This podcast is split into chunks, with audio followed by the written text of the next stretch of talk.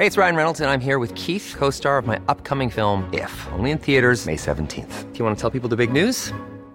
All right, I'll do it. Sign up now and you'll get unlimited for $15 a month in six months of Paramount Plus Essential Plan on us. Mintmobile.com slash switch.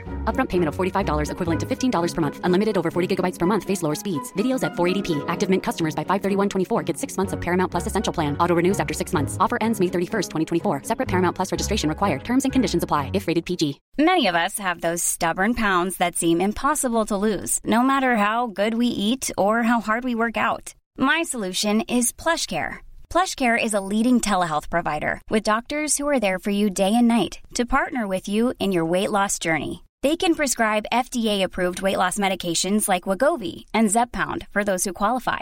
Plus, they accept most insurance plans. To get started, visit plushcare.com slash weight loss. That's plushcare.com slash weight loss. Quality sleep is essential. That's why the Sleep Number Smart Bed is designed for your ever evolving sleep needs. Need a bed that's firmer or softer on either side? Helps you sleep at a comfortable temperature? Sleep Number Smart Beds let you individualize your comfort so you sleep better together. JD Power ranks Sleep Number number 1 in customer satisfaction with mattresses purchased in-store. And now, save 50% on the Sleep Number limited edition Smart Bed for a limited time. For JD Power 2023 award information, visit jdpower.com/awards. Only at a Sleep Number store or sleepnumber.com.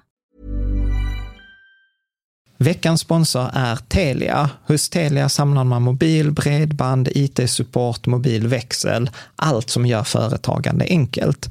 Och det är just det här att samla allt på ett ställe, att ha någon att vända sig till när det inte fungerar, det är Telia. Ett exempel på vad som inte är Telia, det är ju som när jag lyckas boka förmötet för en poddinspelning med Finansinspektionen till efter själva inspelningstillfället. Eller när jag här, här året var liksom, fick för mig att jag skulle börja springa, så jag är liksom ute och springer taggad, träffar en kompis som säger så du Jan, på måndag ska jag springa ett lopp.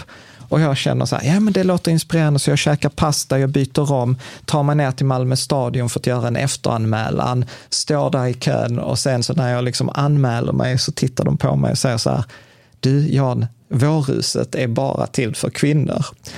Och eh, det var, det var typisk en situation som inte är Telia. Oavsett, ett stort tack till Telia som sponsrar, gör Rika Tillsammans möjligt, men framför allt tack till dig som lyssnar, följer och eh, hänger med oss varje vecka. För att kunna få den här högre avkastningen till lägre risk så behöver man försäkra sig med optioner.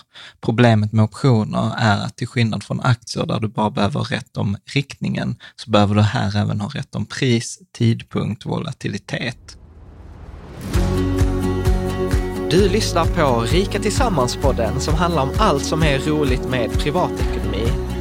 I den här podden får du varje vecka ta del av konkreta tips, råd, verktyg och inspiration för att ta ditt sparande och din privatekonomi till nästa nivå på ett enkelt sätt. Vi som gör den här podden heter Jan och Caroline Bolmesson. Idag är det dags för avsnitt 167.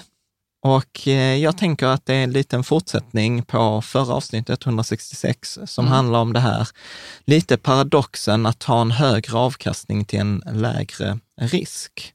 Yes. Och detta är ju liksom, till skillnad från många andra avsnitt så är inte detta så här konkret, gå ut och gör detta, utan detta är väl liksom en, en relativt ny idé som har kommit från framförallt Nassim Taleb och Mark Spitznagel, eh, som handlar om egentligen en lite annorlunda sätt att tänka kring sitt portfölj och kring sitt sparande och investerande. Ja, väldigt eh, spännande är det. Ja. Och, det här förändrar ju allt. Nej, alltså nej, så vill jag inte säga, men jag tror att detta... Det förändrar ganska mycket. Nej, men om, jag... man, om vi skulle agera på det här, ja i våra portföljer så skulle det förändrat ganska mycket. Ja, det skulle framförallt så tillåter det att ta en högre risk samt, eller en högre, få en högre avkastning till en lägre risk. Och, mm. och ofta säger man så här, liksom, att det kommer ju liksom många eh, så här, liksom så, du ska köpa liksom, ny teknikfonder, det kommer vi prata om i ett bonusavsnitt. Eh, som, vem kommer det ifrån? Nej, men det kommer mycket så här, och du borde, liksom, tittar man i nyheter, du borde göra detta och sånt. Men en riktigt solid idé som, liksom, som håller både i praktiken, som har stora förvecklingar, de kommer inte så himla ofta. Och jag skulle säga att detta är den första liksom, riktigt bra idé ni har sett på tio år, som faktiskt har en, har en substans. Men problemet är liksom själva liksom implementationen och det är därför jag tänker att detta är lite så här, tänka tillsammans, att detta är egentligen underlaget till en diskussion. Och jag gör detta lika mycket för att, liksom, ja men, tankespjärn för mm. dig som lyssnar och för att jag har en agenda kring att där är vissa nyckelpersoner i Sverige i finansbranschen som jag vill ska titta på de här två avsnitt eller tre avsnitten.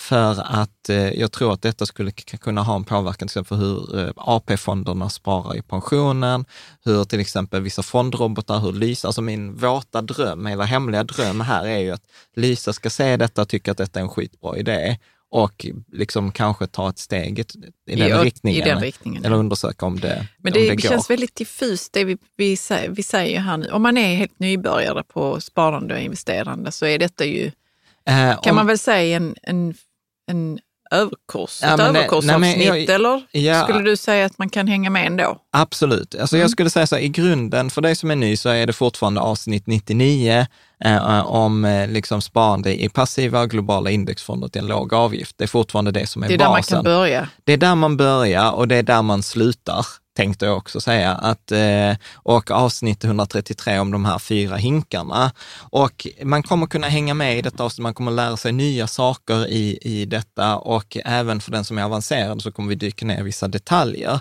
Mm. Men tricket, vad vi egentligen pratar om här, det är att gå från eh, en 60-40 portfölj, alltså 60 procent aktier och 40 procent räntor, till en portfölj som kanske då har 97 procent aktier, 3 procent sån här tail risk hedge, alltså sån här försäkring. Så vad vi, vad vi kommer att prata om är att egentligen ersätta den här delen med liksom livremmen eller eh, liksom krockkudden i portföljen, men, men snarare en försäkring än en krockkudde.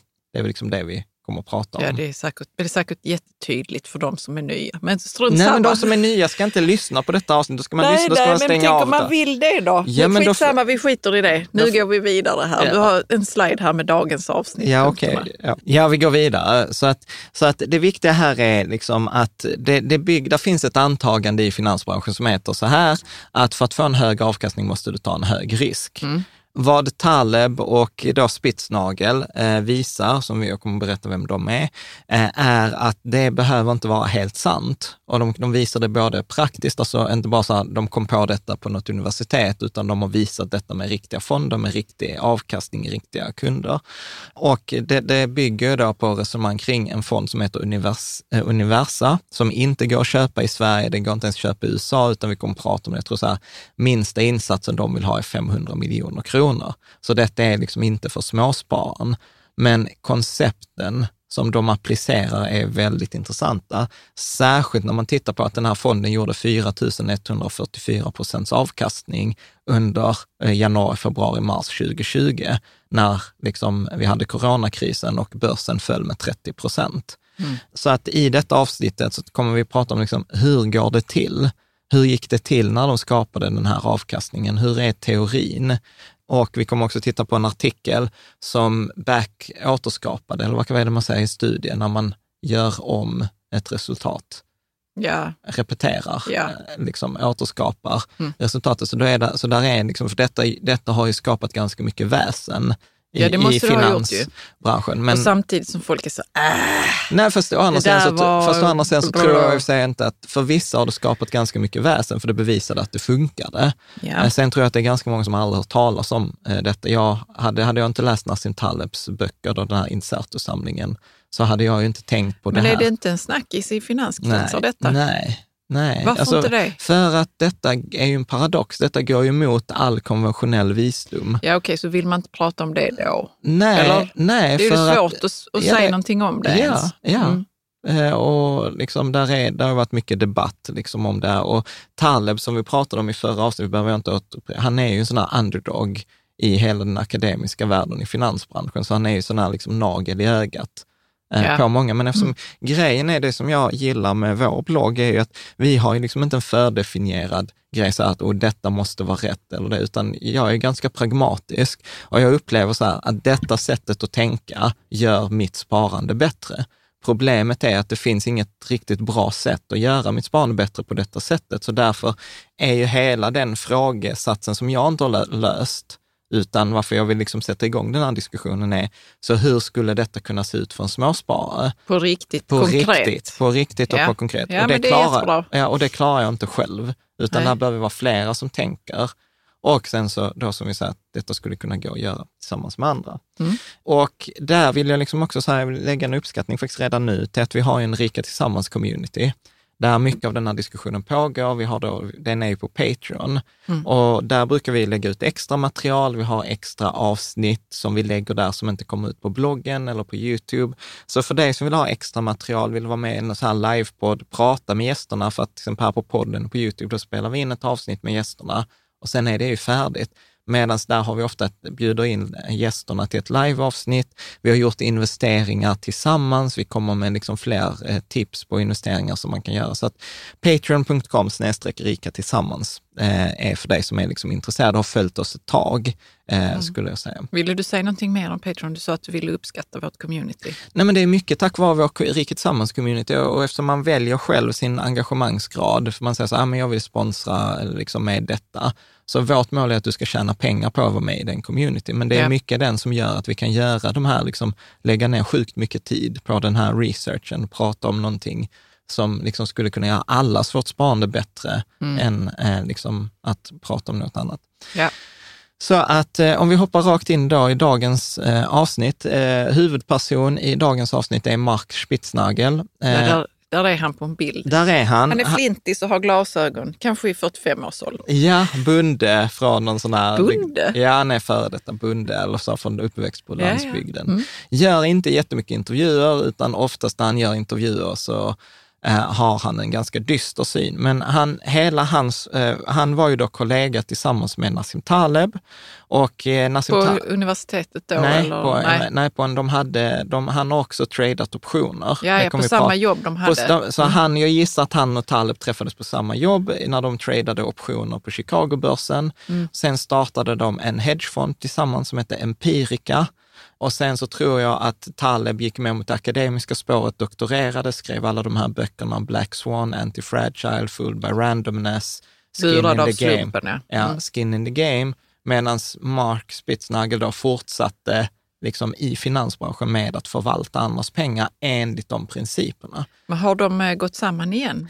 Nej, men alltså Taleb är ju så här hur senior rådgivare Ja, liksom ja. till dem, Mm. men det är han som sköter den här, eh, Mark Spitznagel som sköter den här fonden, fonden. fonden, Universa. Eh, man kan googla då Fund Universa, men liksom, du kan inte köpa den på Avanza Nordnet, du kan inte ens köpa den i USA, alltså den är till Var för... måste man befinna sig? Eller hur? Nej, men du måste vara en typ förvaltare, en pensionsstiftelse, eller så typ det- AP-fonderna hade kunnat köpa den i Sverige. Jag Precis, tror att Lysa skulle kunna gå dit och, och köpa det, men liksom som småsparare är det kört. Men bara för att det är kört så betyder det liksom inte att idén inte är valid. Liksom. Mm. Och, och om vi då, och det är ganska intressant, han har skrivit en bok som heter The Dow of Capital, som visar sig att jag köpte den för fyra år sedan, men jag läste inte den, så den ligger på min, eh, lista, på min Kindle att läsa. Men där var han i alla fall i en intervju med Bloomberg. Så här. Ja, eh, och eh, han har gjort tre, fyra intervjuer som är bra. Jag kommer länka till dem. Framförallt så kommer vi sno ena hans video, kommer vi återskapa här och prata om liksom hur funkar den här strategin. Och eh, antagandet, liksom, som allt investerande bygger på, är ju så att du får betalt för risken. Är det ingen risk, alltså typ sätta in pengarna på ett sparkonto med insättningsgaranti, ingen risk, ingen avkastning. Så för att få då en hög avkastning, då behöver vi aktier eller någonting som då ger en hög risk. Så att det är ju liksom den klassiska regeln och det är ju därför som vi till exempel har infört fyra hinkar-principen i avsnitt 133, att vi vill balansera den här risken. Eh, som vi har pratat om det till exempel i vår, vår webbkurs, pratar vi om så här, man vill inte ha en bil med bara en gaspedal. Du vill ha en bil med gas och broms och sen så vill man i vissa tillfällen gasa och i vissa tillfällen bromsa. Men att bara ha en bil med broms, då kommer du ingenstans och ha en bil med bara gas kommer du ingenstans. Och problemet som vi brukar säga är så här att de flesta människor, förmodligen inklusive sannolikt du, eftersom det händer oss hela tiden, är att man har fel risk i sitt sparande. Man har för mycket risk eller för lite risk. Ja, med risk menar du för, för mycket aktier eller? För lite aktier. Ja. Liksom. Eh, och, och, den här risken då utsätter man sig. Att har man för hög risk, då kan man hamna i en situation att liksom portföljen exploderar, man blir av med alla pengarna och pengarna räcker inte till till det man skulle behöva dem i livet, till exempel pension. Mm. Om du har för, för låg risk att du har alla pengarna på ett bankkonto, ja då kommer du aldrig förlora dem, men å andra sidan kommer de kanske inte växa ut i den utsträckning du behöver för att kunna gå i pension. Vilket gör att i båda scenarierna har du liksom en, eh, en fallgrop som heter pengarna räcker inte till. Ja. Är du med? Mm. Så därför försöker man ju balansera då eh, tillgångar med hög risk, då aktier kommer jag att prata om här, med tillgångar med låg risk, eh, räntor. Och en klassisk fördelning här är ju då till exempel 60-40-portföljen, det vill säga 60 procent aktier, 40 procent räntor. Och det är ju detta som vi pratar om till exempel att ha via Lysa. För när vi pratar aktier, då pratar vi inte enskilda aktier, utan då pratar vi så här global indexfond som köper aktier i hela världen. Så att det är det jag menar. Och, och detta, liksom 60-40-portföljen är så här klassisk, det är nybörjarportföljen. Vi skrev om den i boken så Gör ditt barn rik. Norska oljefonden använder den, ganska många eh, liksom, eh, fonder. Och då teorin som man har då, varför man har då både gas och broms, för då säger man så här, sannolikheten för att liksom både aktier och räntor ska gå åt helvete samtidigt är obefintlig. Ja. Mm. Det känns som att... Eh, ja, är men jag med? är med. Du är med? Jag är med. Ja, okej, okay, vad bra. Det är inte så mycket kommentarer på dig idag. Nej, men jag tänker att jag förstår detta. Okej, okay. vad, vad, vad, bra. Jag hoppas att du som lyssnar eller tittar också förstår detta. Eh, och, och då är tanken liksom att när aktierna faller i värde, då håller räntorna sitt värde. Det, det, har vi också sagt, så här, en, en sån här eh, finansiell rådgivare som säger så att vill du tjäna mycket pengar så ska du ha, använda aktier, hög risk. Vill du behålla pengarna du tjänar, då behöver du räntor. Mm. Så syftet kanske med räntor är inte alltid att tjäna pengar, utan det är bara att få en avkastning högre än inflation. Yeah. Liksom. Och då pratar man om, och liksom, vi ska inte dyka ner detta, men då pratar man om att aktier och räntor är hyfsat okorrelerade. Att eh, till exempel amerikanska börsen och svenska börsen är är, har, eh, är högt korrelerade, det vill säga det är en hög samvarians. Och det är det man brukar säga att om USA nyser så får Sverige förkylning. Om amerikanska börsen faller, då kommer svenska börsen också falla. Kanske till och med mer. Kanske till och med mer. Liksom vissa, till Visst. exempel bloggaren Cornucopia, Lars Wildring, som jag gillar, han brukar alltid skriva så här, eh, mitt, eh, liksom så här klockan 12, för då har inte amerikanska börsen öppnat. Då skriver han så här, svenska börsen avvaktar på att husse ska vakna. Liksom. Nej, men så, så kan man lite tänka. Liksom, är det så med många länder att de är korrelerade? Många länders börs Ja, är korrelerade med, ja, ja, med, med USA. Ja, ja, för att amerikanska börsen står ju själv för över 50 procent av världens mm. totala börsvärde. Och eftersom mm. vi pratar om att investera i förhållande till alla aktier i hela världen så blir ju USA hälften. Det tar stor del av... Ja, så genom att till exempel investera i Lysa, då, eller en global indexfond, så får du 50 procent USA. Så därför är det ju liksom viktigt. Och vi kommer att prata, vi kommer att göra ett bonusavsnitt, för att just nu så jag får så mycket feedback. Så här, men, eh, ny teknikfond och Avanza har lanserat en ny fond och jag har, jag har specifika åsikter om det där som förmodligen kommer men, att gå... Vet du hur mycket den asiatiska marknaden står för? Eh, alltså det beror, på vad man räknar, världens, det beror på vad man räknar in i den asiatiska marknaden. Men om, om man säger lite grovt förenklat så kan man säga att Nordamerika står för ungefär 66 procent, Europa står för ungefär 15 till 20 procent eh, och då blir det som blir kvar är ju Asien då typ 10 procent. Mm, och av det, av det är Japan kanske 5-6 procent. Ja. Men det är jättesvårt att fatta att inte det är mer. Ja, men precis. Och därför, För det man tror, eller jag tror att ja. eh, Kinas ekonomi, som ju går bra ja. Eh, för det mesta, jag vet inte hur det har gått nu med corona, men att den skulle liksom växa ja. något otroligt mycket och ta därför, över mer det, och mer. Jo, men det är därför också man säger till exempel vissa att de här globala indexfonderna eller sånt är felviktade. Det är därför till exempel Lysa eller vi i våra portföljer har en slagsida mot tillväxtmarknader.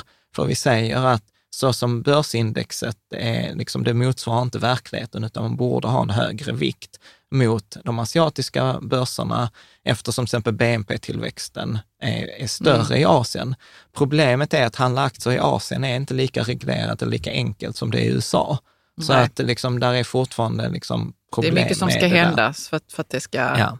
bli bättre. Men mm. om vi hoppar tillbaka, så, så hela idén är att genom att man sänker risken i sitt sparande genom att välja okorrelerade tillgångar. Vi gillar ju till exempel att lägga till guld. Ja, också. Så för det har, korrelerar inte heller med aktiemarknaden nej, så mycket. Tvärtom brukar man ju säga att ak, eh, när aktier går ner så går, går guld upp. Mm. Något som vi också såg i, liksom har sett under eh, året. Ja. Förutom att de har allt eh, gått upp där. Så att då säger man så här att över en, eh, ganska, eh, över en lång tidsperiod så stämmer de här antaganden ganska, ganska bra. Liksom att den här portföljen med 60 procent aktier, 40 procent räntor fungerar ganska bra i, över långa tidsperioder och olika investeringsklimat. Mm. Och, och, det är då man pratar då till exempel tillväxt, aktier går upp, recession, aktier går ner, inflation och deflation. Och vissa nöjer sig då, som till exempel vi, vi nöjer oss inte bara med aktier och räntor, utan vi har lagt till guld.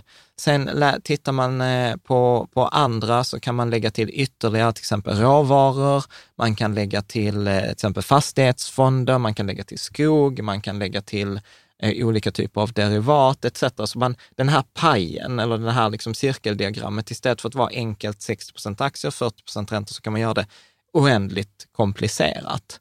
Vår, vår mest avancerade variant är ju Rika Tillsammans-portföljen, där vi har liksom 25 procent aktier, 25 procent guld, 25 procent bankkonto, 25 procent räntor. Ja, så det låter ganska enkelt, men det är Ja, men, men, men, men liksom poängen här är i alla fall att man, man vill liksom kombinera ihop olika typer av tillgångar för att sänka risken. Så till exempel Rika Tillsammans-portföljen har ju en lägre risk, men också en lägre avkastning. Det är mm. därför vi placerar till exempel nybörjarportföljen och Rika Tillsammans-portföljen i mellanriskhinken.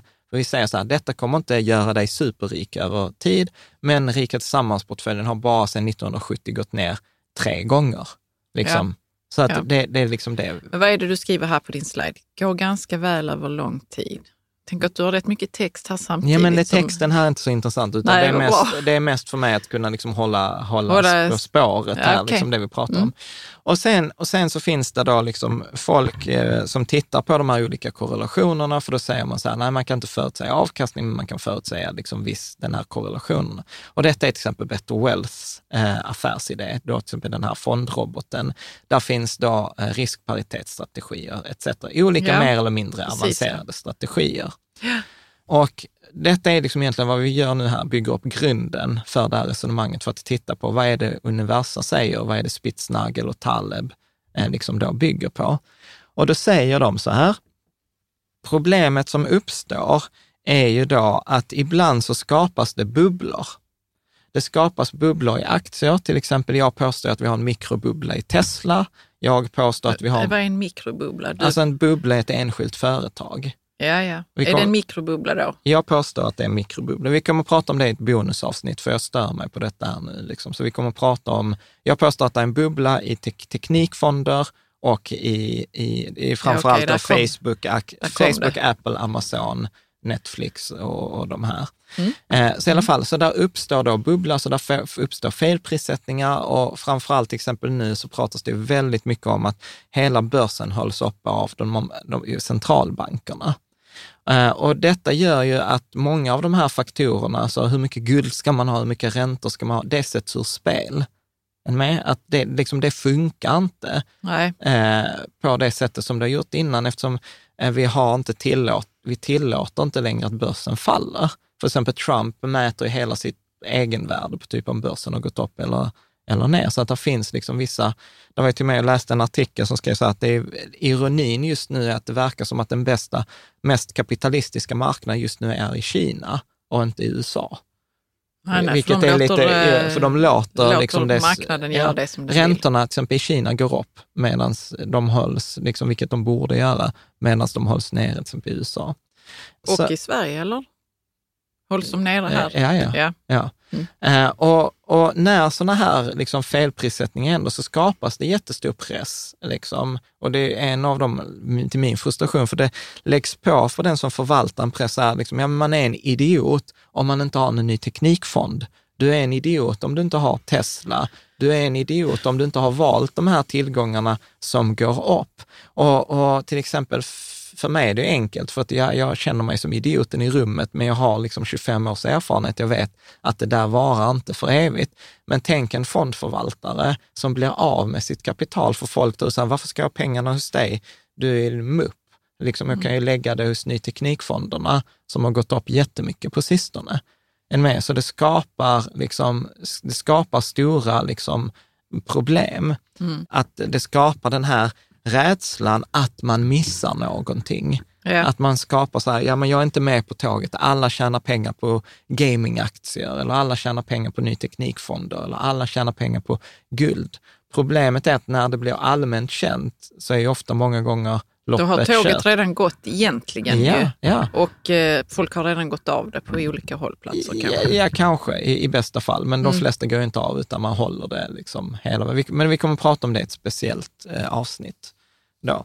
Mm. Och, och då ställer sig liksom då Spitznagel och Taleb, då utgår från så här, tänk om det finns ett bättre sätt. Tänk om det finns ett bättre sätt att hantera risken. Tänk om det finns ett bättre sätt att bygga sin portfölj som gör att man kan ta en högre, eh, liksom få den här högre avkastningen. Men man behöver inte ta den här idiotrisken med ny teknikfonder till exempel. Mm. Hänger mm. du med? Mm. Och detta är här, jag kommer liksom, nu har jag tagit en massa skärmdumpar från en video där som spitsnagel på fem minuter går igenom detta. Men jag gör det för att vi ska kunna bryta ner och prata om det. Men det finns, kommer finnas en länk till den videon för att den är, ja. den är sevärd. Bra. Och då pratar han om så här, så om du har en sån här portfölj då med stocks and bonds eller aktier och räntor, tänk om du istället liksom lägger dit, precis som du i det vanliga livet har dina liksom levnadsomkostnader, men de flesta av oss har en liten del som kallas för liksom hemförsäkring. Så tänk om vi lägger dit en, liksom en liten försäkringsdel, eh, liksom, liksom en försäkringstillgång. Och syftet med den här försäkringstillgången är ju att när då aktier faller i värde, när den liksom delen i mitt sparande minskar, då kommer den här försäkringsdelen att öka oproportionerligt mycket. Och det är ju detta då som vi pratade i förra avsnittet om asymmetrier. Att du har en liten del, eh, liksom kanske 1, 2, 3 procent av det totala sparandet har du i den här hemförsäkringen. Men istället för att den skyddar om, om hemmet brinner ner så skyddar den dig om aktierna faller i värde. Så om aktierna faller i värde så kommer denna öka oproportionerligt mycket. Och sen utgår man då, precis som en hemförsäkring, att när jag får ut den här stora, stora avkastningen, ja då kan jag återanvända den för att köpa tillbaka mitt hus till exempel, eller köpa fler aktier när de har blivit eh, mycket billigare. Mm. Vad, vad tänker du? Du är ovanligt tyst i dagens avsnitt.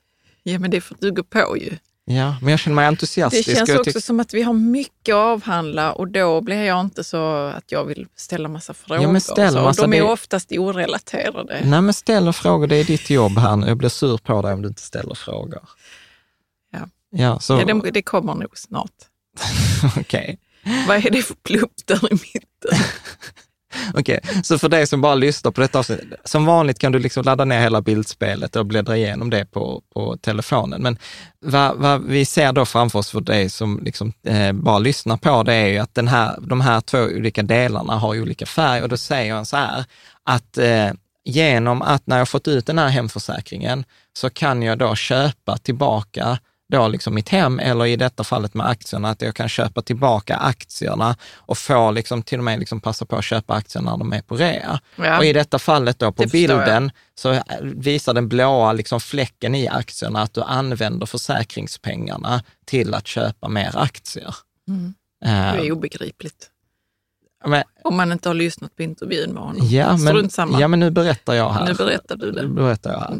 Och detta kallas då för då tail insurance eller tail hedge eller tail-försäkring. Och detta med tail, det kommer också från förra avsnittet i 166 när vi pratade om, kommer du ihåg det här med normalfördelningen? Yep.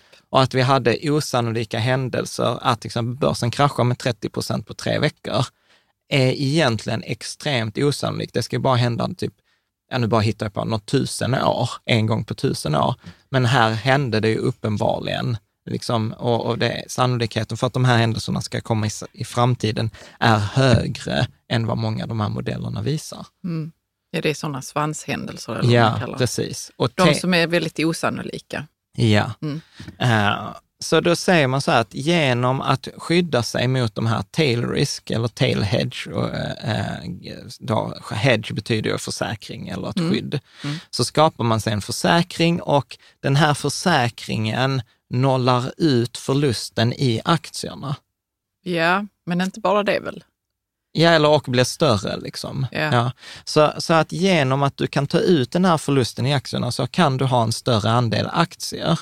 Och eftersom den här biten, eh, försäkring är så pass liten del av din totala portfölj, alltså mellan 1 och 3 procent, så gör det inte så himla mycket om aktierna går bra, det vill säga att huset brinner inte ner, aktierna faller inte i värde, ja då är den totala förlusten i, i portföljen ganska marginell. Mm. Än med att det spelar ingen roll att jag betalade tusen kronor eh, liksom, i månaden för den här hemförsäkringen liksom, för att jag har tjänat massa andra pengar i detta fallet. Eftersom jag kan ha en större andel aktier så finansierar i en uppgång, mm. så finansierar den med råge den kostnaden jag betalar för försäkringen, eftersom jag kan ha mer aktier än jag hade haft annars i en 60-40-portfölj. Förstår du? Ja, det förstår jag. Men vad är det för händelser som ska till för att försäkringen ska falla ut? För det är ju inte att börsen går ner lite grann bara. Nej, alltså det, det handlar, det det handlar ju om att de, att de här extrema händelserna, att börsen går ner kanske 11 procent på en vecka. Eller att den går ner 30 procent på en månad. Ja, för jag bara inte när faller den ut, den här eh, försäkringen? Det är ju ingen försäkring på, på det viset. Det här är ju en liknelse vi har. Ja. Men eh, beror det på hur försäkringen ser ut då? Eller hur den här... Eh... Jag fattar inte frågan. Jo, men när... När, när eh, börsen faller? När, när aktierna Jo, men den faller, måste ju falla rätt mycket. Eller den faller ju, det ja, inte alltså, bara när den faller 3 procent. Ja, men det beror på hur mycket den faller. Hur stor utfallet blir beror på mm. hur mycket den faller. Ju mer den faller, desto mer får du ut. Ja. Så, faller okay. den, så går börsen upp så får du ingenting. Går Nej. börsen ner lite så får du också ingenting. Så det behöver vara en ganska stor rörelse. Men, och det är det som bygger, och då säger de flesta till exempel, det är därför vi hade detta samtalet förra avsnittet med mediokristan och extremistan. Mm. Så länge liksom portföljen befinner sig i mediokristan så får jag inget betalt. Men så fort vi hamnar i extremistan, då kommer jag få mycket betalt. Och det Taleb säger och visar, som vi pratade om i förra avsnittet, är att de här extrema händelserna är mycket vanligare än man tror. Alltså ha en sån här strategi, en en, vad ska man säga, en poäng, ett, ett egensyfte. Mm. Och jag tror i någon intervju som jag såg, så, så tror jag Spitsnagel sa så här, det räcker att det inträffar en sån här svart svan per århundrade, så har du fått tillbaka pengarna, liksom det du har lagt. Det är inte som att du kommer få det varje år. Och det är ju detta, det är detta som också blir så ointuitivt, för att det betyder att du varje år betalar pengar, du betalar pengar, du betalar, du går med förlust, går med förlust, går med förlust, går med förlust, går med förlust. Och sen vinner du jättemycket. Men man går ju inte för, med förlust så mycket väl? Utan jo, du, du är medveten om att du betalar för att ha den här försäkringen. Ja. Men du har ju samtidigt, vad var det, 97 procent aktier i din portfölj. Ja, ja. Så det kommer ändå gå bra Absolut. på portföljen, ja. medan du vet att du lägger en viss summa ja. i den här försäkringen. Exakt. Och nu gör du liksom det där hoppet som många inte gör, är att du börjar se det som en helhet. Är med? För mm. de flesta tittar ju så här, men den fonden går dåligt i portföljen, varför vill jag ha den skiten? Ja, men nu ska jag ha ny teknikfonder. Ungefär som vi har räntefonder. Det är ingen som vill ha räntefonder i sin portfölj idag. Det är den vanligaste invändningen vi får. Varför ska man ha räntefonder i sin portfölj? Det ger ju ingen avkastning. Och då håller ju räntefonder ändå sitt värde. Tänk att ha något som går back. Som går back, går back, går back, går back, går back, går back. Det kräver ganska mycket och det kräver att man ser hela sin ekonomi som en helhet. Ja. Är, är du med? Ja, ja. Mm. Och, och det är ganska svårt att förstå eftersom eh, liksom denna, just den här försäkringsdelen bygger på den här asymmetrin.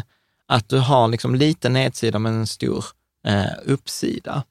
Så att detta liksom funkar här oavsett om aktierna går upp, för då, då förlorar liksom det jag betalar för försäkringen täcks av den stora vinsten eftersom jag kan ha mer aktier.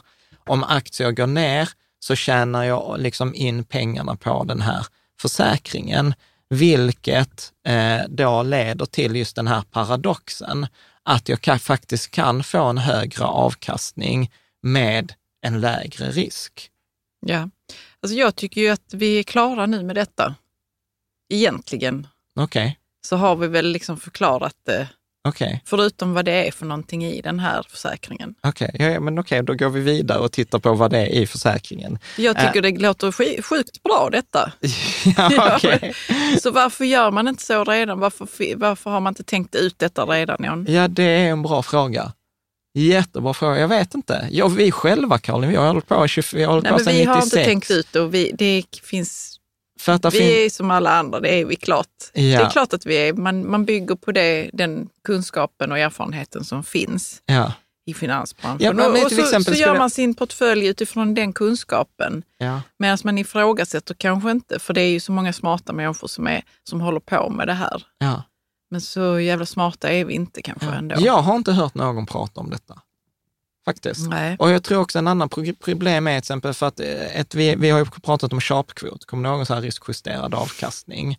Eh, ja, jag kommer aldrig ihåg riktigt exakt vad det är för nej, någonting. Nej, men, men det visar det... Hur, liksom hur mycket risk har du tagit för att få en viss procent avkastning.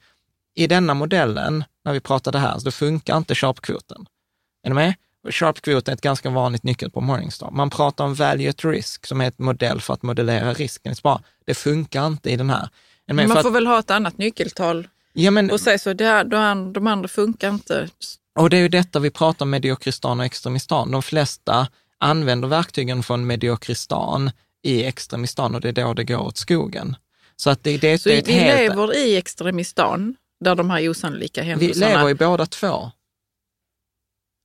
90 alltså nu förlorar du mig. Jag ja. trodde vi bodde i Extremistan, men vi använder verktyg från, från Mediokristan. Ja. Men kommer du ihåg normalfördelning? Att vi sa så här, normalfördelning funkar. Nu, är det, nu använder vi massa ord som är från förra avsnittet. Ja, men, Kolla på det om du är lost. Ja, men Mediokristan säger så här att eh, liksom, vi är... Eh, vi, på dig.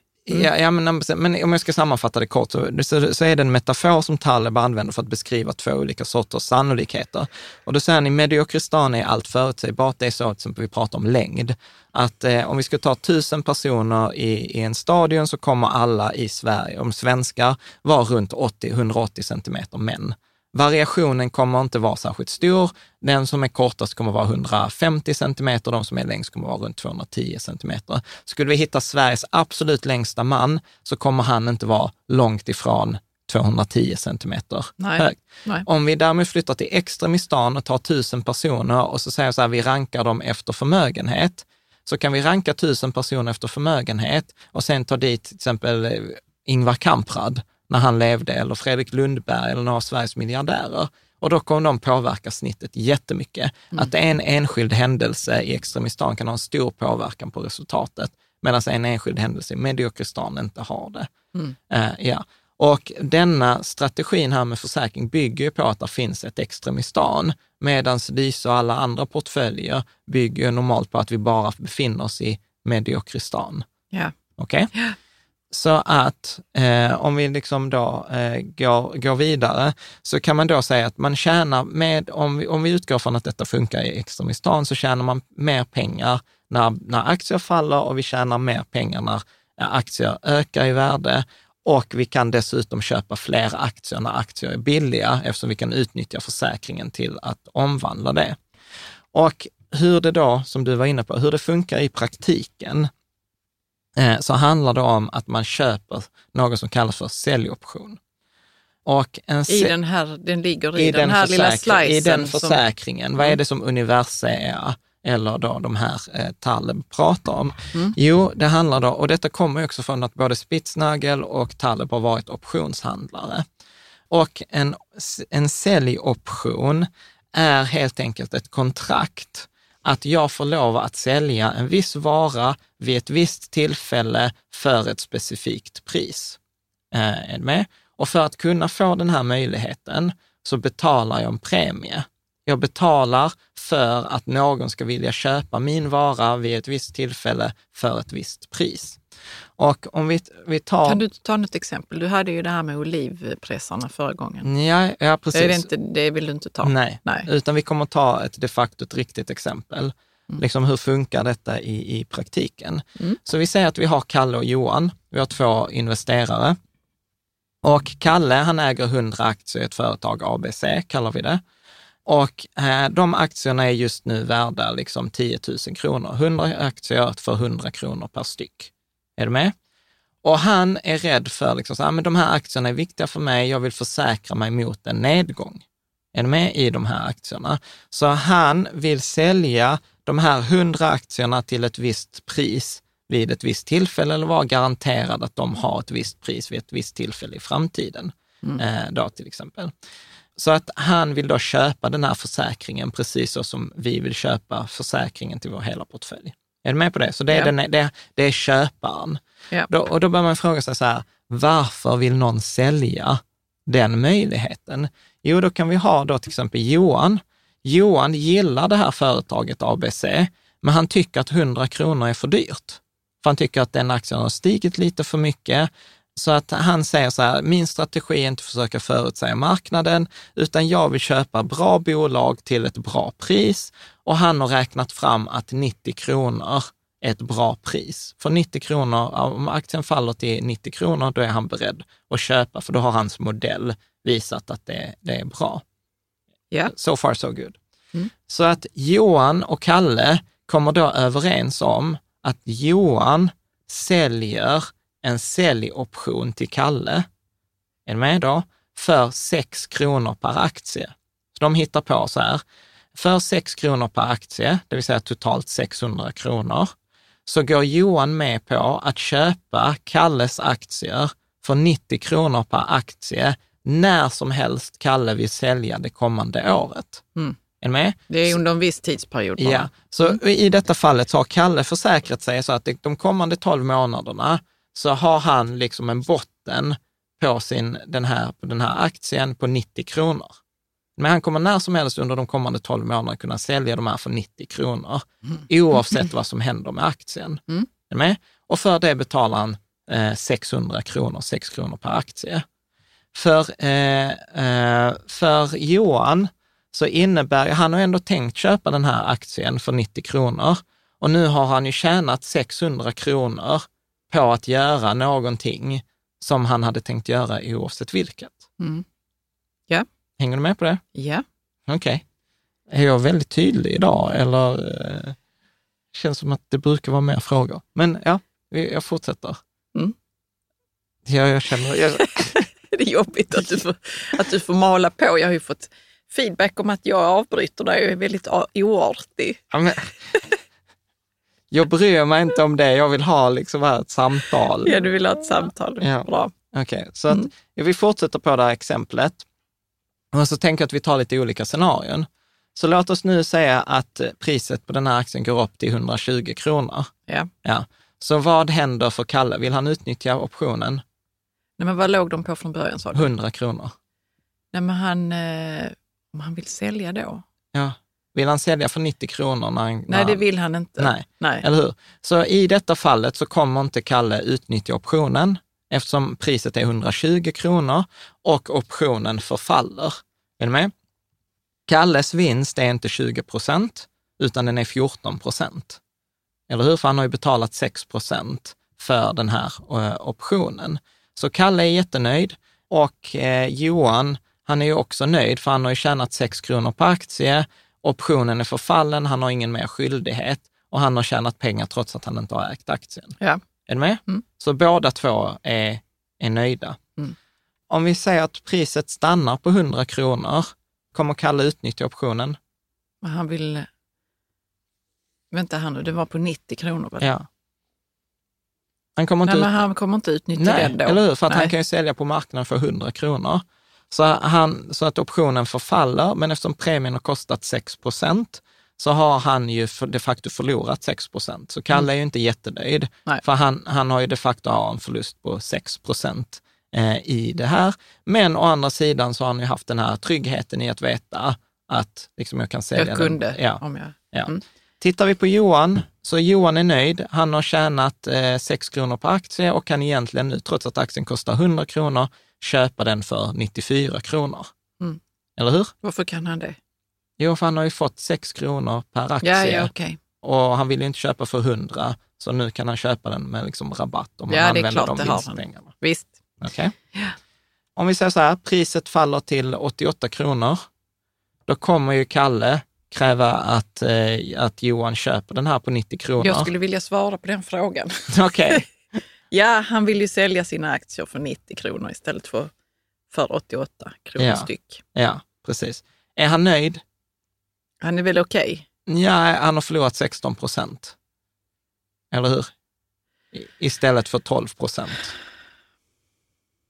Ja, ehm, var förlorar han de pengarna nu? Ja, för att den har gått från 100, eh, eller för, ja, ja, 16 procent, den har gått från 100 till 88. Mm. Så då hade han, om han inte hade haft någon option, så hade han förlorat 12 procent. Ja. Men han har ju förlorat 10 procent för att strikepriset, alltså strikepriset 90, de kom överens på 90 kronor och sen har han ju betalat 6 kronor. ja, det är klart. Ja, Så Ja. han har förlorat. Han har, han har ju förlorat 16, eh, 16 procent. Det är ju rätt mycket. Ja, liksom. Så att han är ju inte jätte, detta var ungefär worst caset Mm. liksom, eh, för, för honom. Johan är ju nöjd. Han köper ju på 90 kronor, eller hur? Eftersom det, eh, för han måste ju betala 2 kronor överpris eftersom han Ja. har lovat köpa den på 90, men den är på 88. Men han har ju liksom ändå 4 kronor kvar i vinst, så han köper ju de facto på 86 kronor. Mm. Eller hur? Mm. Så i detta fallet är, är Johan ganska nöjd. Och om vi har det sista scenariot, att priset faller till 60 kronor. Ja, då vill Kalle sälja. Ja. Eller till hur? 90.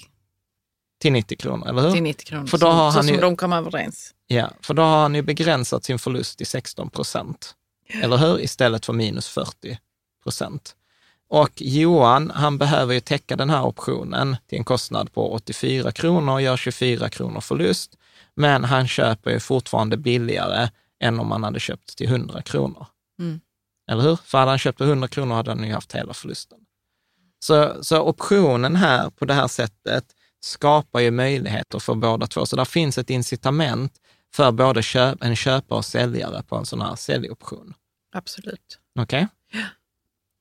Och nu har vi pratat om en säljoption på ett enskilt företag. Vad, vad Universea eller vad de här gör, de köper ju inte säljoptioner på enskilda företag, utan de köper på hela marknaden, många olika tillgångslag, liksom eh, etc. Ja, ja, såklart. Och det är det som finns i den här försäkringen då. Ja, Säljoptioner. ja. Mm. Med? För, för, Kan du bara berätta hur det går till då när hela marknaden går ner? Då kommer de, de säljoptionerna och, och man säger inte falla ut väl? Eller? Ja, men det, sen- det, det, det händer ju detta. då är det blir- det som händer här, Ja, att man att- tjänar pengar Att på... Universa är Kalle. Ja, För att då har de, då har de ju liksom köpt de här eh, optionerna. De kan eh, sälja, då, för de har ju krävt att Johan köper på 90, men värdet är ju 60. Så där är en vinst på de här 30 kronorna per aktie. Mm. Eller hur? För de kan ju köpa, för vad, vad de egentligen skulle kunna göra är de, att de köper aktierna på 60 och sen säljer de på 90, då har de gjort 30 kronor vinst. Är du med? jo, jo, men, men det är det. Men okej, säljoptioner är det som ligger i försäkringen. Ja. Ja. Var det någon som blev förbannad när de... Eh, På Universa, det är ju någon som har fått betala Universa. någon måste få betala Universa Ja. och säkert många olika aktörer Ja. eftersom de hade köpt många Ja. olika Ja. sorters säljoptioner. Ja. Och du har ju massa, här är ju massa risker också. Nu för vad, coronan pratar för att om vad alltså. som skulle kunna hända här är ju till exempel att om Johan har gett ut så mycket optioner, han måste ju köpa alla de här. Jo, jo Tänk men om det han kan man inte ju har man kan ju råd. inte, nej, man kan inte sälja så att man inte har Det är råd. klart man kan. Men då kan man ju, Då går man i konkurs. ja och då får ju Ja. inte Kalle någonting. Nej. Och då är Nej. ju Kalle jävligt Så då förbannad. måste Kalle ändå, Universa, vinnlägga sig om att köpa på många, från många, olika aktörer så att det Ja. inte liksom backfire. Så att Ja. de, Ja, exakt. Ja. Exakt.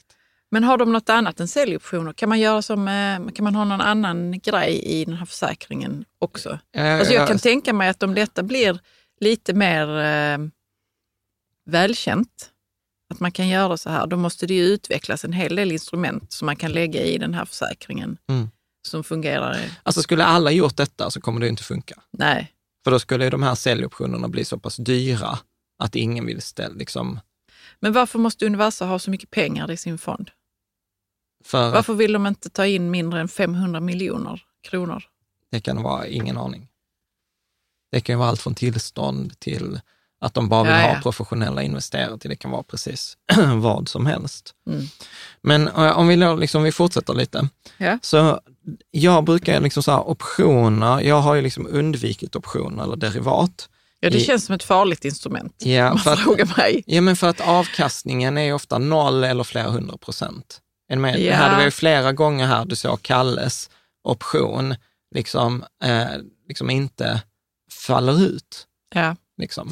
Jo, men um, jag vet inte vad det är för personer som sysslar med sådana här säljoptioner i vanliga fall. Det är mm. som Taleb och Spitznagel och deras kollegor. Mm. Män och kvinnor som tror att de kan förutsäga marknaden. Är det så Nej, det funkar? Fast du behöver inte för... för här gör de det systematiskt ja.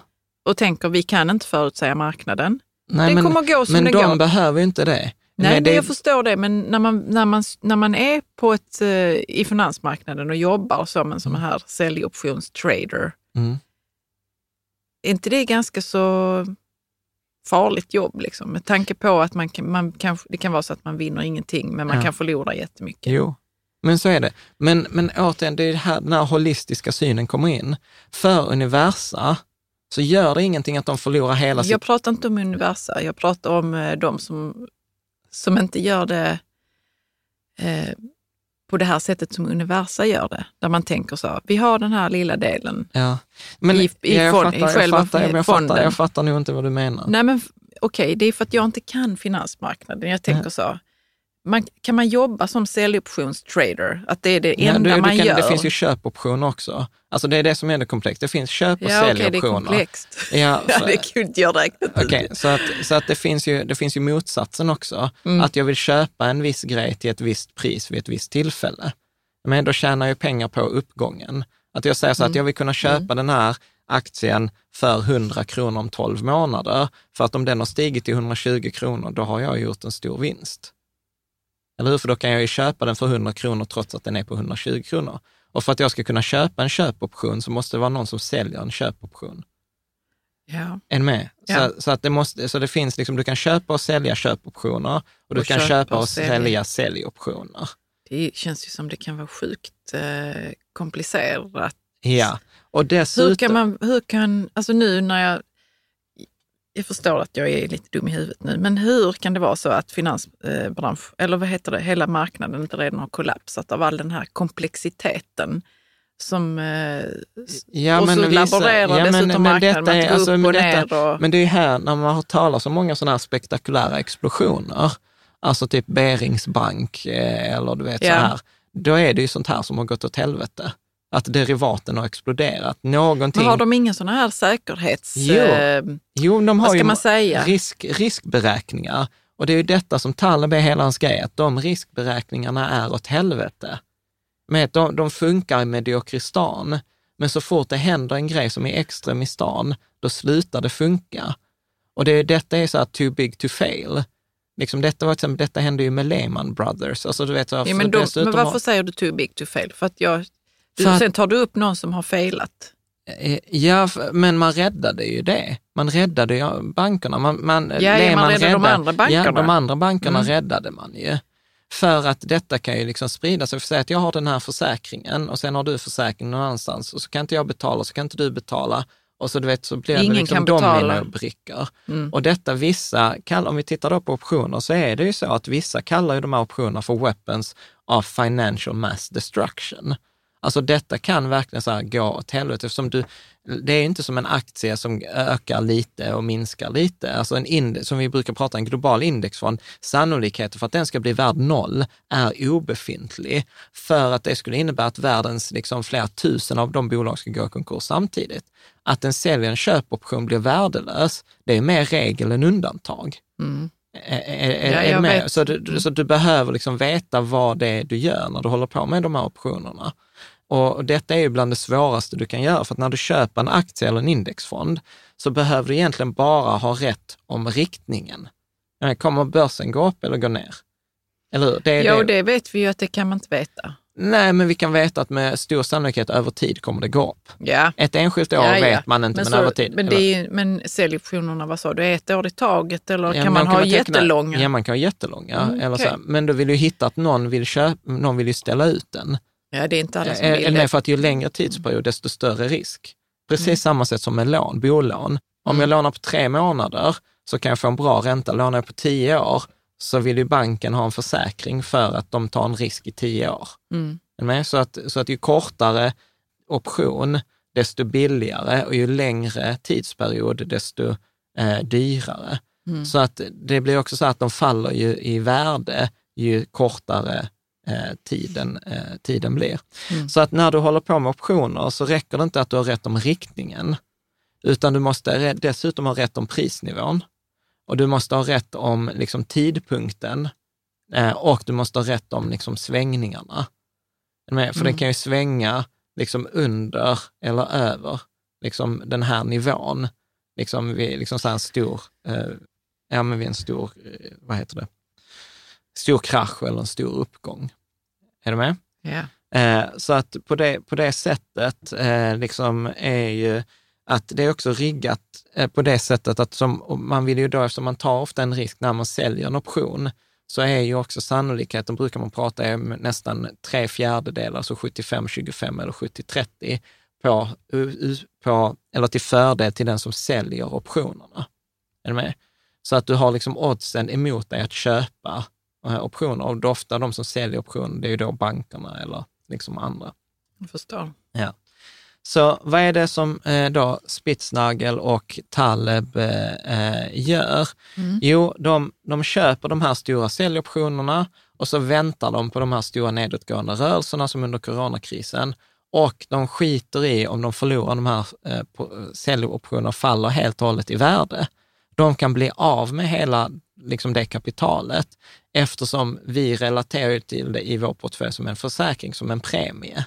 Ja, som man betalar och så kommer den inte tillbaka. Ja, mm. I, i de, flesta, liksom, de flesta år. Så därför kan de ta de här positionerna i optionerna och säga, nej, det blev ingenting i år, vi förlorade alla pengarna. Medan en vanlig fond hade ju aldrig kunnat göra det där att de förlorar alltså du, alla Du använder så stora ord, vi förlorar alla pengarna. Vi förlorar pengarna i den. I den premien. Ja, men, ja. men resten av fonden, men jag tänker bara att du måste vara noga med vad du säger. Ja, vi förlorar alla pengarna. Nej, men, ja, men, man förlorar spits, inte alla pengarna nej, i den här fonden, utan spits, bara den lilla... Ja, men, du, nej, men du, vi, vi pratar olika perspektiv. Ja, okay. Spitsnagel och Taleb har inget emot att förlora hela, innehav, alltså hela innehavet i sin fond. Är du med? Medan jag som lägger mina, investerar mina pengar, jag investerar bara 3 procent av mitt kapital i deras ja, fond. Ja, okej, okej, okej. Och jag, och jag kommer ju vet lägga, vad jag tänkte. Ja, och eftersom jag vill ha den här försäkringen varje år, så, så är ju modellen att säga första januari, nu bara hittar jag på, men första januari varje år så ger jag dem 3 procent av min portfölj. Och sen räknar jag med att eh, under det kommande året, så i, i de flesta åren, så kommer de förlora de 3 procenten av mitt totala kapital, som är 100 procent av deras kapital. Mm. Förstår du? Jag förstår.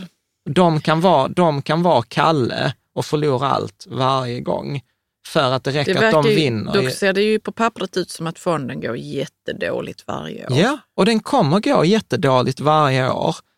Förutom när då till exempel en sån här grej som eh, corona inträffar, då den kommer göra 4 000 procent. Mm. Är ni med? Så att, ja, ja, visst, visst. Men eh, vad var det jag tänkte här nu? Eh, kan det bli så här när man nu förlorar 3 procent av sin portfölj. portfölj varje år. Att man liksom tar, tar mer risk i den övriga delen. Ja. För att man tänker att jag kommer förlora garanterat 3 procent. Ja. och, rest, och resten då tar man... Ja, för hur, eller hur, hur, känner du kring det? Att du vill, liksom, vill du inte köpa mer riskfyllda grejer? Eller liksom ja, men det är det som sånt som kan gå upp? Eh... Ja, detta är ju de fula bilderna som du äh, pratade om igen. Det är ju det som händer ju. För det gör ju att jag kan gå från en 60-40 portfölj, 60 procent aktier, 40 procent räntor, till en portfölj med 97 procent aktier och 3 procent tail risk. Yeah. Universell. De 97, det betyder att jag har 37 procent mer aktier.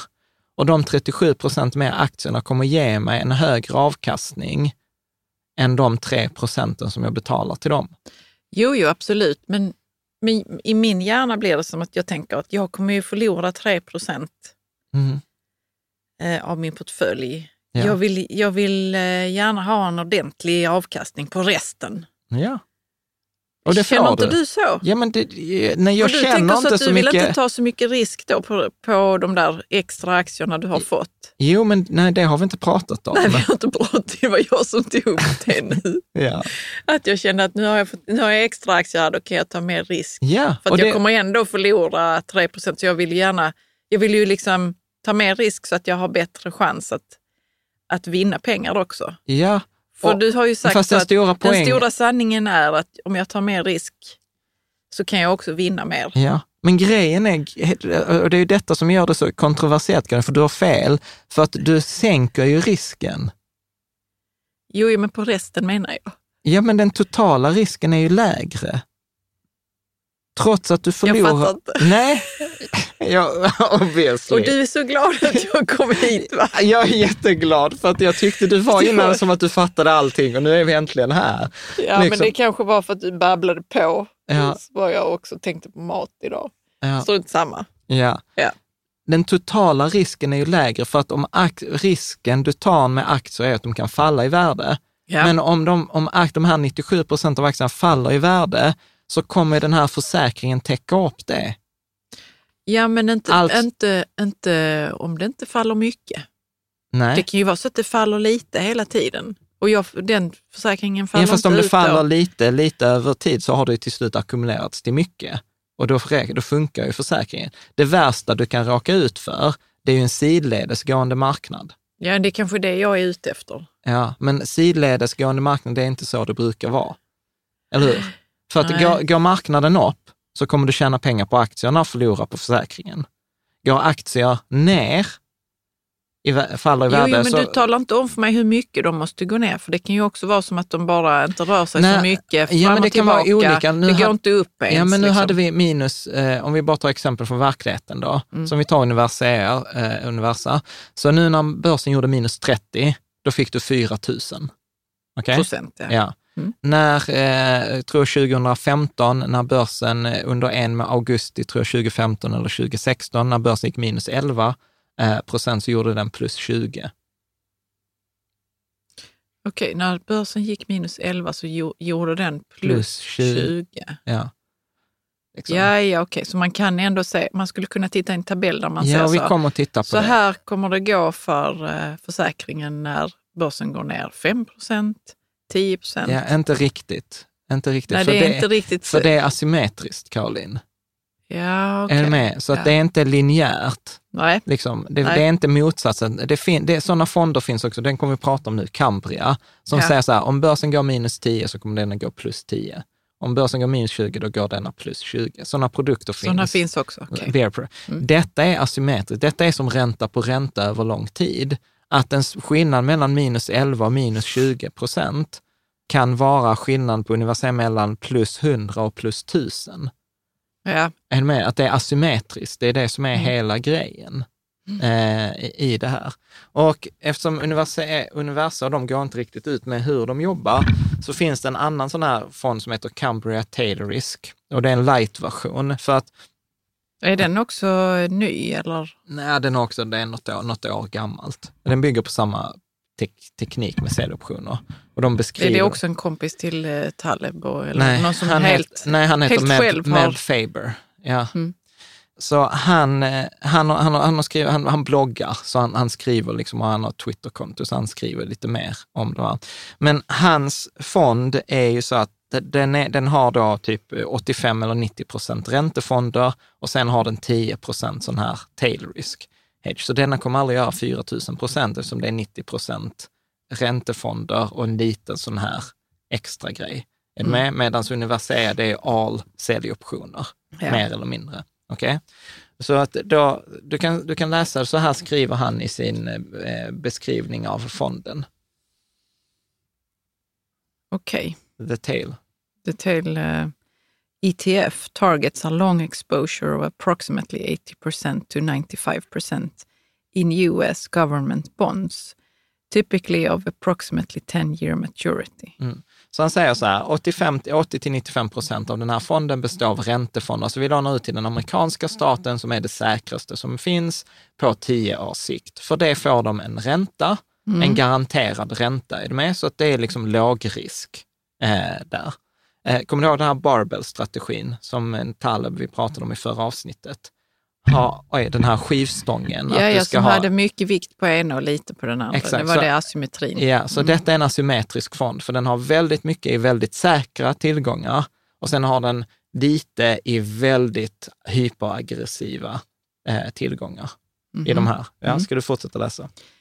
Uh, the tail ETF pairs the bond exposure with a ladder of puts purchased on the S&P 500, which range from 1 to 16 months to expiration. Mm. Så då säger han så här, så vad vi gör är att vi kombinerar eh, den här bond exposure, alltså räntefonderna, räntefonderna vi lånar ut till den amerikanska staten med låg risk och låg avkastning genom att köpa puts. Puts yeah. är det amerikanska namnet för en säljoption. Mm som vi köper på det amerikanska indexet, alltså på alla då 500 USAs största bolag. Och så köper vi dem i en förfall då mellan 1 till 16 månader. För ja. man vet ju inte när det kommer inträffa och man vill ha liksom olika pris. Så det handlar inte bara om att köpa så januari köper du till december och sen nästa januari köper du, det är väldigt dyrt. Så du vill köpa liksom med olika löptider och du vill köpa med olika pris. Liksom. Mm. Är du med? Mm. Ja. The strike prices of the puts are typically 5% to 15% out of the money. Ja. Så jämfört med det här Kalle och Johan-exemplet, kom ihåg, då hade vi eh, en säljoption som är 10% out of the money. Alltså den är 10% lägre än vad dagskursen är idag. Mm. Kommer ni ihåg att eh, Kalle köpte en försäkring på 90% av marknadsvärdet? Yeah. Ja. Så då säger han så här, okej, okay, så vi köper säljoptioner som ligger mellan 5 och 15 procent lägre än nivån idag. Mm. Är med? Och där, då till exempel Universal, då kan de köpa kanske säljoptioner som ligger på kanske minus 30 under dagsvärdet eller minus 50 procent under dagsvärdet. Mm. Eh, Okej. Uh, okay. The puts are not held to expiration in order to avoid the accelerated time decay that usually occurs during the final few months of an option's life. Mm. Kommer du ihåg detta vi pratade med tidsfaktorn? Att ju, ju, längre tidsperiod, desto dyrare. Och ju när det närmar sig, när tidsperioden är kort, så faller de i värde. Eftersom då vet vi förmodligen vad utfallet kommer att bli. Ja. ja. Så, att, så att detta är egentligen strategin. Man ska mm. köpa säljoptioner som är då eh, i en stege eh, på hela indexet med då, och, och ha den här samlingen mellan då 1 och 16 månader gamla över då en viss, eh, under ett visst värde för dagen. Men det är det ja. som är försäkringen. Ja. Så att detta är ju liksom hur detta görs rent konkret. Om jag skulle gissa vad Universea, eller Universa gör, är att då skiter de i de här government bonds, utan de köper säljoptioner för hela paketet. Ja. Eh, och så litar Absolut. de på att du själv är den andra änden mm. av den där mm. eh, barbell. Mm. Ja, och tittar vi som sagt eh, liksom 4 144 procent, så obviously liksom funkar ju då vad är det du, den här för vissa tittar inte på detta. Nej, men det är skit, det var en artikel från nätet eh, där det var liksom just att den här Black Swan-fonden gjorde 4 000 procent, att den här strategin funkar ju i mm. verkligheten. Men du, om det inte hade varit en coronapandemi nu detta året, hade du hittat detta då? Eh, tror du? Jag tror snarare att det viktigaste här för att jag skulle hitta detta var så här, om jag var sjuk nu i somras och läste Nassim Talebs böcker. Som du hade tänkt länge? Som jag har haft på min lista väldigt länge. Mm. Så att jag tror okay. att det var snarare det. Sen blev det ju mer intressant nu eftersom det var, blev enklare att hitta framförallt den artikeln vi ska avsluta detta avsnittet med som har då utvärderat hur detta funkar. Men visst är det ju så att det har ökat intresset. Mm. Så om vi tittar då på univers, eh, Universa, så deras rekommendation är ju då att man har en trettiondel av sin portfölj hos dem, vilket då motsvarar 3,3 procent. Mm. Man utgår från att de här 3,3 procenten kommer bli värda noll varje år, att det är det som man förlorar. Cambria, till exempel då som hade den här strategin med 90 procent räntefonder, Eh, och de får en avkastning, de förlorar 1 procent i månaden av sitt totala kapital. Ja. Eh, det är liksom kostnaden för de här eh, optionerna. Och nu, nu är jag lite trött här, så jag vet inte om jag har liksom otur när jag tänker, men om den har gjort 4 000 procent, det är 40 gånger pengarna. Ja. Så då räcker ju det liksom, eh, har du då 3 procent i din portfölj gånger 40, så är det ju 120 procent uppgång. Eh, vilket då innebär att det täcker egentligen 40 års riskpremier ja. i det. Så således blir frågan, hur ofta inträffar de här nedgångarna så att jag kan betala den här premien och få den här vinsten? Mm, precis, ja. Eh, är, är du med?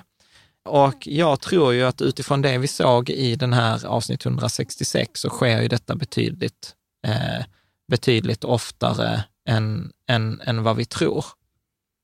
Och jag tänkte att vi ska ta det sista här. Ehm, eh, att det, det var en, eh, en amerikansk eh, finansiell rådgivare som heter Michael Edeses, som han har skrivit i Advisor Perspectives, en, en artikel som heter så Empirical Support for Tail Risk Strategies.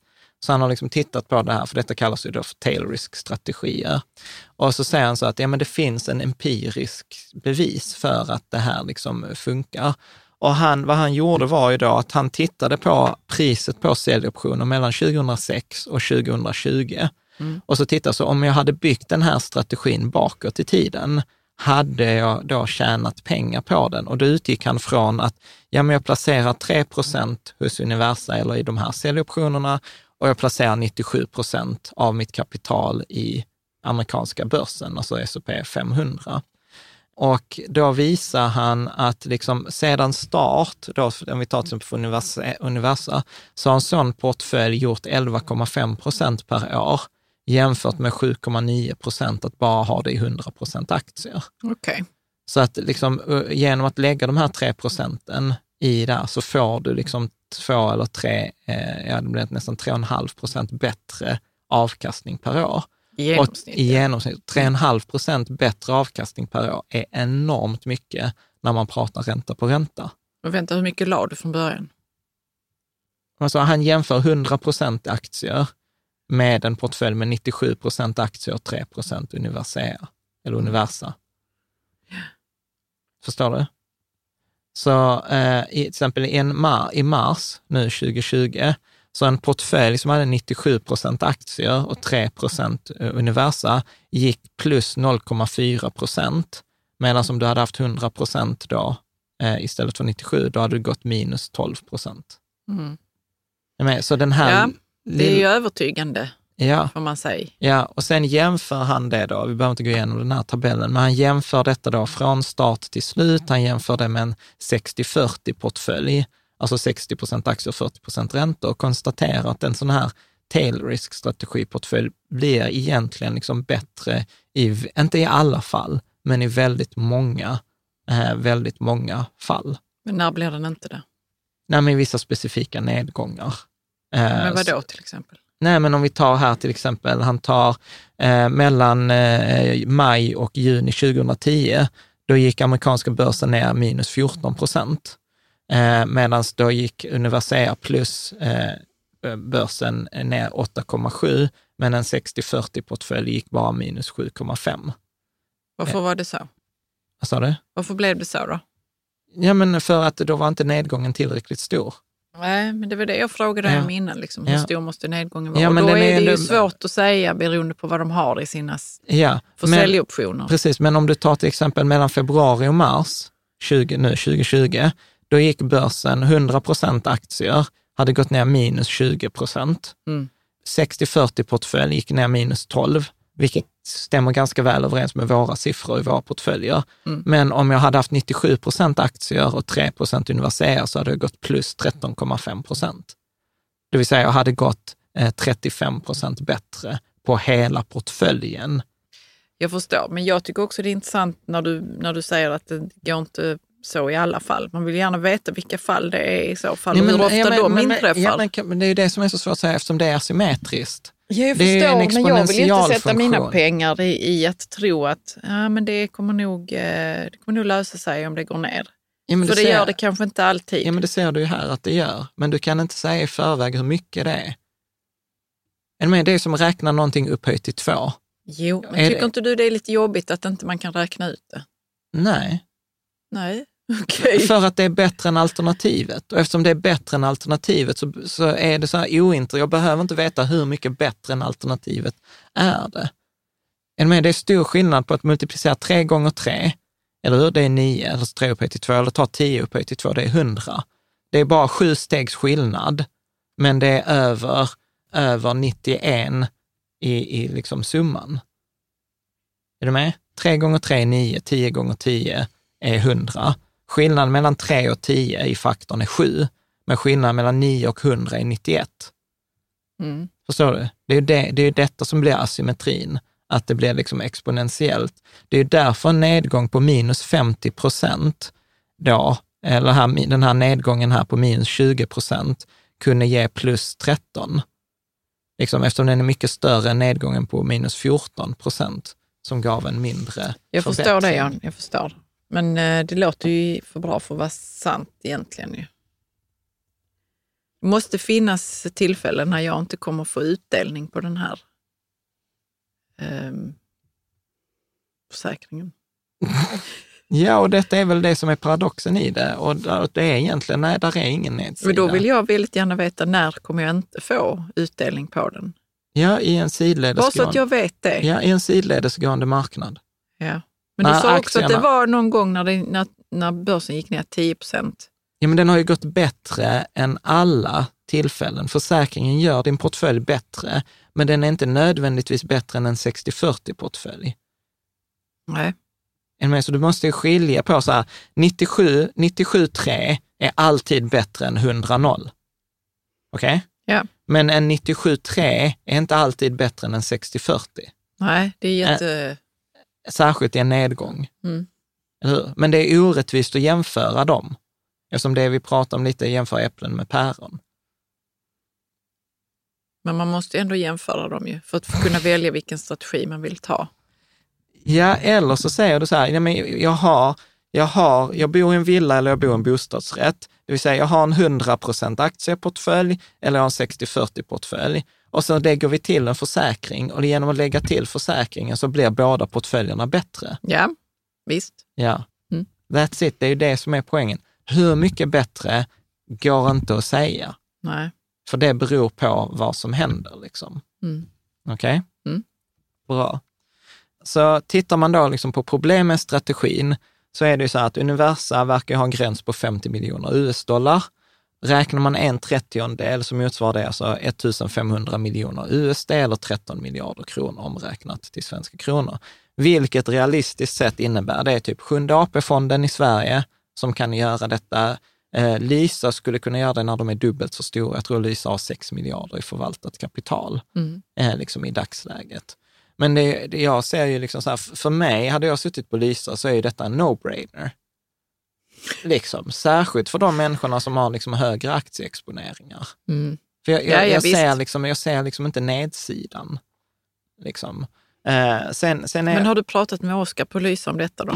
Ja, ja, vi har Och vad har han sagt i så fall? Ja, han har sagt intressant. Han har, jag tror, jag tror att han har kontaktat Univers, Universa och försökt få kontakt med Spitznagel. Och men sen har det ju varit så att det har varit svårt för oss att prata för vi inte haft samma eh, grund att stå på. Så att han är ju en av dem som jag mer eller mindre tvingar att sitta igenom de här tre timmarna. Eh, liksom med både förra och detta avsnittet. Så att Oscar, detta är så dedicated to you. Liksom för, bland annat. Ja. Bland annat. Ja. Mm. Eh, och, och sen, sen så liksom, tänker jag så här att andra alternativ är, det finns fler sådana tail risk-fonder alltså som Cambria. Men de är ju svåra, för då är det inte den här 3 grejen för då får jag plötsligt med massa räntefonder som jag kanske inte vill ha. Ja, okej, okay, de har annat. annat är med? Så att jag vill ha det här rena. Och då kommer vi egentligen till det sista alternativet som är så här, går detta att göra själv? Går, ja, det, precis, sätta, ja. går det sätta För att det går att köpa säljoptioner på svenska börsen. Men alltså jag, jag har inte ens umgåtts med tanken att göra det själv. No way. Det finns säkert ni, eh, ni lyssnare och tittare där ute som tänker att, det, att eh, det kan man göra. Det är därför för mig är detta så att detta är att tänka tillsammans. Ja. Och, och så tänker jag så här, eh, hade man kunnat göra detta själv? Men kan, alltså, teori... kan jag köpa säljoptioner ja. någonstans ja. på Avanza eller ja, ja. Nordnet? Ja. Men det gäller ju så att man är sjukt duktig att man inte köper fel. Så att man går runt och tror att man har en försäkring. Ja, för Taleb och Spitznagel har ju ändå jobbat med detta. Ja, de detta. har gjort detta i, i över ja, 30 år. Liksom. Så, jag, jag, så de kan det? Så jag hade ju hellre lagt pengarna hos dem såklart, men nu verkar ju inte det vara ett alternativ. Men det hade ju varit sjukt spännande. Det finns ju några sådana som är duktiga på optioner i Sverige. Mm. Det finns en sån här optionsbloggen och sånt. Så att jag har faktiskt tänkt att jag skulle försöka ta kontakt med några som är riktigt duktiga på optioner och sen säga till dem så här, hade, hade ni kunnat konstruera sådana här portföljer, vad hade det kostat och vad hade man kunnat få ut av det? Mm. Och sen hade man i så fall tittat så här, ja men är det värt att om vi gör så som vi har gjort eh, eh, på, liksom i Patreon, att vi går ihop till exempel. Eh, eller om det är någon av dig som lyssnar eller tittar på det här som känner så att nej, men jag har jobbat med optioner eller jag kan det yeah. med optioner, att man kan Precis. sätta ihop det. För jag känner inte att jag har den kompetensen att göra det. Jag kan förklara det, jag fattar det, men, men sen från att fatta yeah. det till att göra det rent praktiskt, det är ju, det är ju lite klurigt. Ett stort språng. Ja, mm. precis. Ja, så min poäng här var ju att förklara liksom hur det funkar, varför det funkar eh, och poängerna med det. Tycker, tycker, tycker, tycker du att vi har lyckats? Vad tar du med dig? Vi ska avsluta här nu. Vad tar du med dig från ett ganska avancerat jag, avsnitt? Nu var det ett tag sedan jag var i eh, akademiska sammanhang, men jag känner hur takterna sitter i, att man är intresserad av det där när det inte funkar. Kritiska bara, men du, du berättade att det var en gång som det inte funkade. Mm. Nej, ja, så att man går, i, går in och liksom vill veta risken med det eller när det inte fungerar som det är tänkt och sådär. Alltså ja. där, det, dit vill jag. Ja. För det, ja, det har att göra med också att det är jobbigt att vara lite naiv och tro att allting kommer att bli jättebra med, om man bara gör så här. ja, precis. Vad är haken? Nej, men, Vad det, är haken? Ja, och det är det som är hela grejen. Det är därför jag säger att detta är den bästa idén jag har hört på tio år inom sparande. Ja. Liksom den andra bästa idén jag har hört de senaste tio åren, det är ju det här med globalt indexsparande, fondrobot. Men det är liksom inget nytt. Detta är relativt nytt. Liksom så här, hur gör du sparandet bättre utan några uppenbara nedsidor? Den uppenbara nedsidan här är ju såklart om man ska göra detta själv. Ett, att veta att man köper rätt optioner, att man gör det på rätt sätt, att man inte tar eh, motpartsrisken, att liksom, om jag köper de här av Avanza och sen är vi så jävla många som köper dem av Avanza Avanza tänker så här, detta kommer aldrig hända. Och plötsligt så sitter vi med krav på Avanza som inte de kan betala, och så går Avanza i konkurs och då faller ju kontrakten, då faller ju optionerna. Med? Så skulle det kunna hända? Ja. Alltså? Nej. Jo. Men Avanza kan man inte eh, ha eh, oändligt många sådana här? Alltså de har ju ett visst antal säljoptioner. De kan ju inte ha hur många som helst. Har du sett The Big Short? Jo, men jag har sett, jag får se den igen, jag, den ja. ligger i min lista på Netflix. Men, de gjorde ju det. Alltså, någon typ av eh, ja, man, säkerhetsribba måste ja, men man för väl att man ha? säger så att som säger, ja, men det är helt osannolikt att börsen kommer falla med 50 procent de kommande 12 månaderna. Till exempel, eller 70 procent. Just nu är det så färskt att det, det har fallit. Ja. Att vi fick en svart svan i början ja. på året. men att... fråga hur många som hade, liksom så här, alltså till exempel jag hade gärna kunnat köpa en säljoption på till exempel en ny, eh, sån här ny teknik fonder. Jag tror att det kommer falla i värde. Liksom. Alla tror att det kommer gå upp. Det är många som ska tycka så att jag är en idiot. Eh, jag, jag har ju blankat Tesla. Det tycker ju många att jag är en idiot. Du är ju, det är ju en av många. Vadå? Du är ju en av många som har blankat Tesla. Nej, det är ju fortfarande majoritet som köper men, Tesla. Men Elon Musk blev ju så sur över att folk blankade Tesla. Så att, mm. ja. Och då måste det ju vara ett, ett, ett, antal människor som har gjort det. Ju. Ja. Ja. Eller har de bara pratat om det? Nej, de har gjort också. Men vet du vad, vi sparar det till bonusavsnittet. Vi sparar det. Där kommer, där kommer ett nytt avsnitt eh, om det här med teknikfonder. Men eh, jag tycker det har varit jätteroligt att höra era kommentarer eh, till det här. Vad tänker ni? Verkar det logiskt? Verkar det förståeligt? Är det någonting ni hade varit sugna på? Lysa, när vi hade Oskar här, så hade han ju liksom ett förslag att vara så här, önskade ni någonting från oss och mejla till kundtjänst?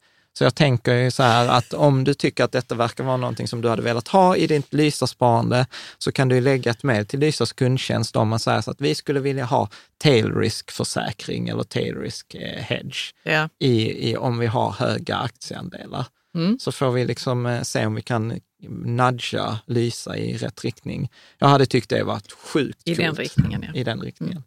Grymt. Stort tack för eh, denna veckan. Nästa vecka vet jag, antingen så behandlar, kommer det handla om de här ny teknikfonderna eller så kommer det vara intervju med Hypoteket som är en sån här eh, eh, bolåneinstitut som lånar ut pengar till bolån, där vi intervjuade en av grundarna och pratade om eh, bland annat det här att banker inte skapar pengar, utan det är en skillnad på säkerställda obligationer och eh, bolånefonder. Så jag hoppas att du kommer tycka att det är intressant. Mm. Och eh, vi, ses, vi ses helt enkelt. Tack så mycket för idag.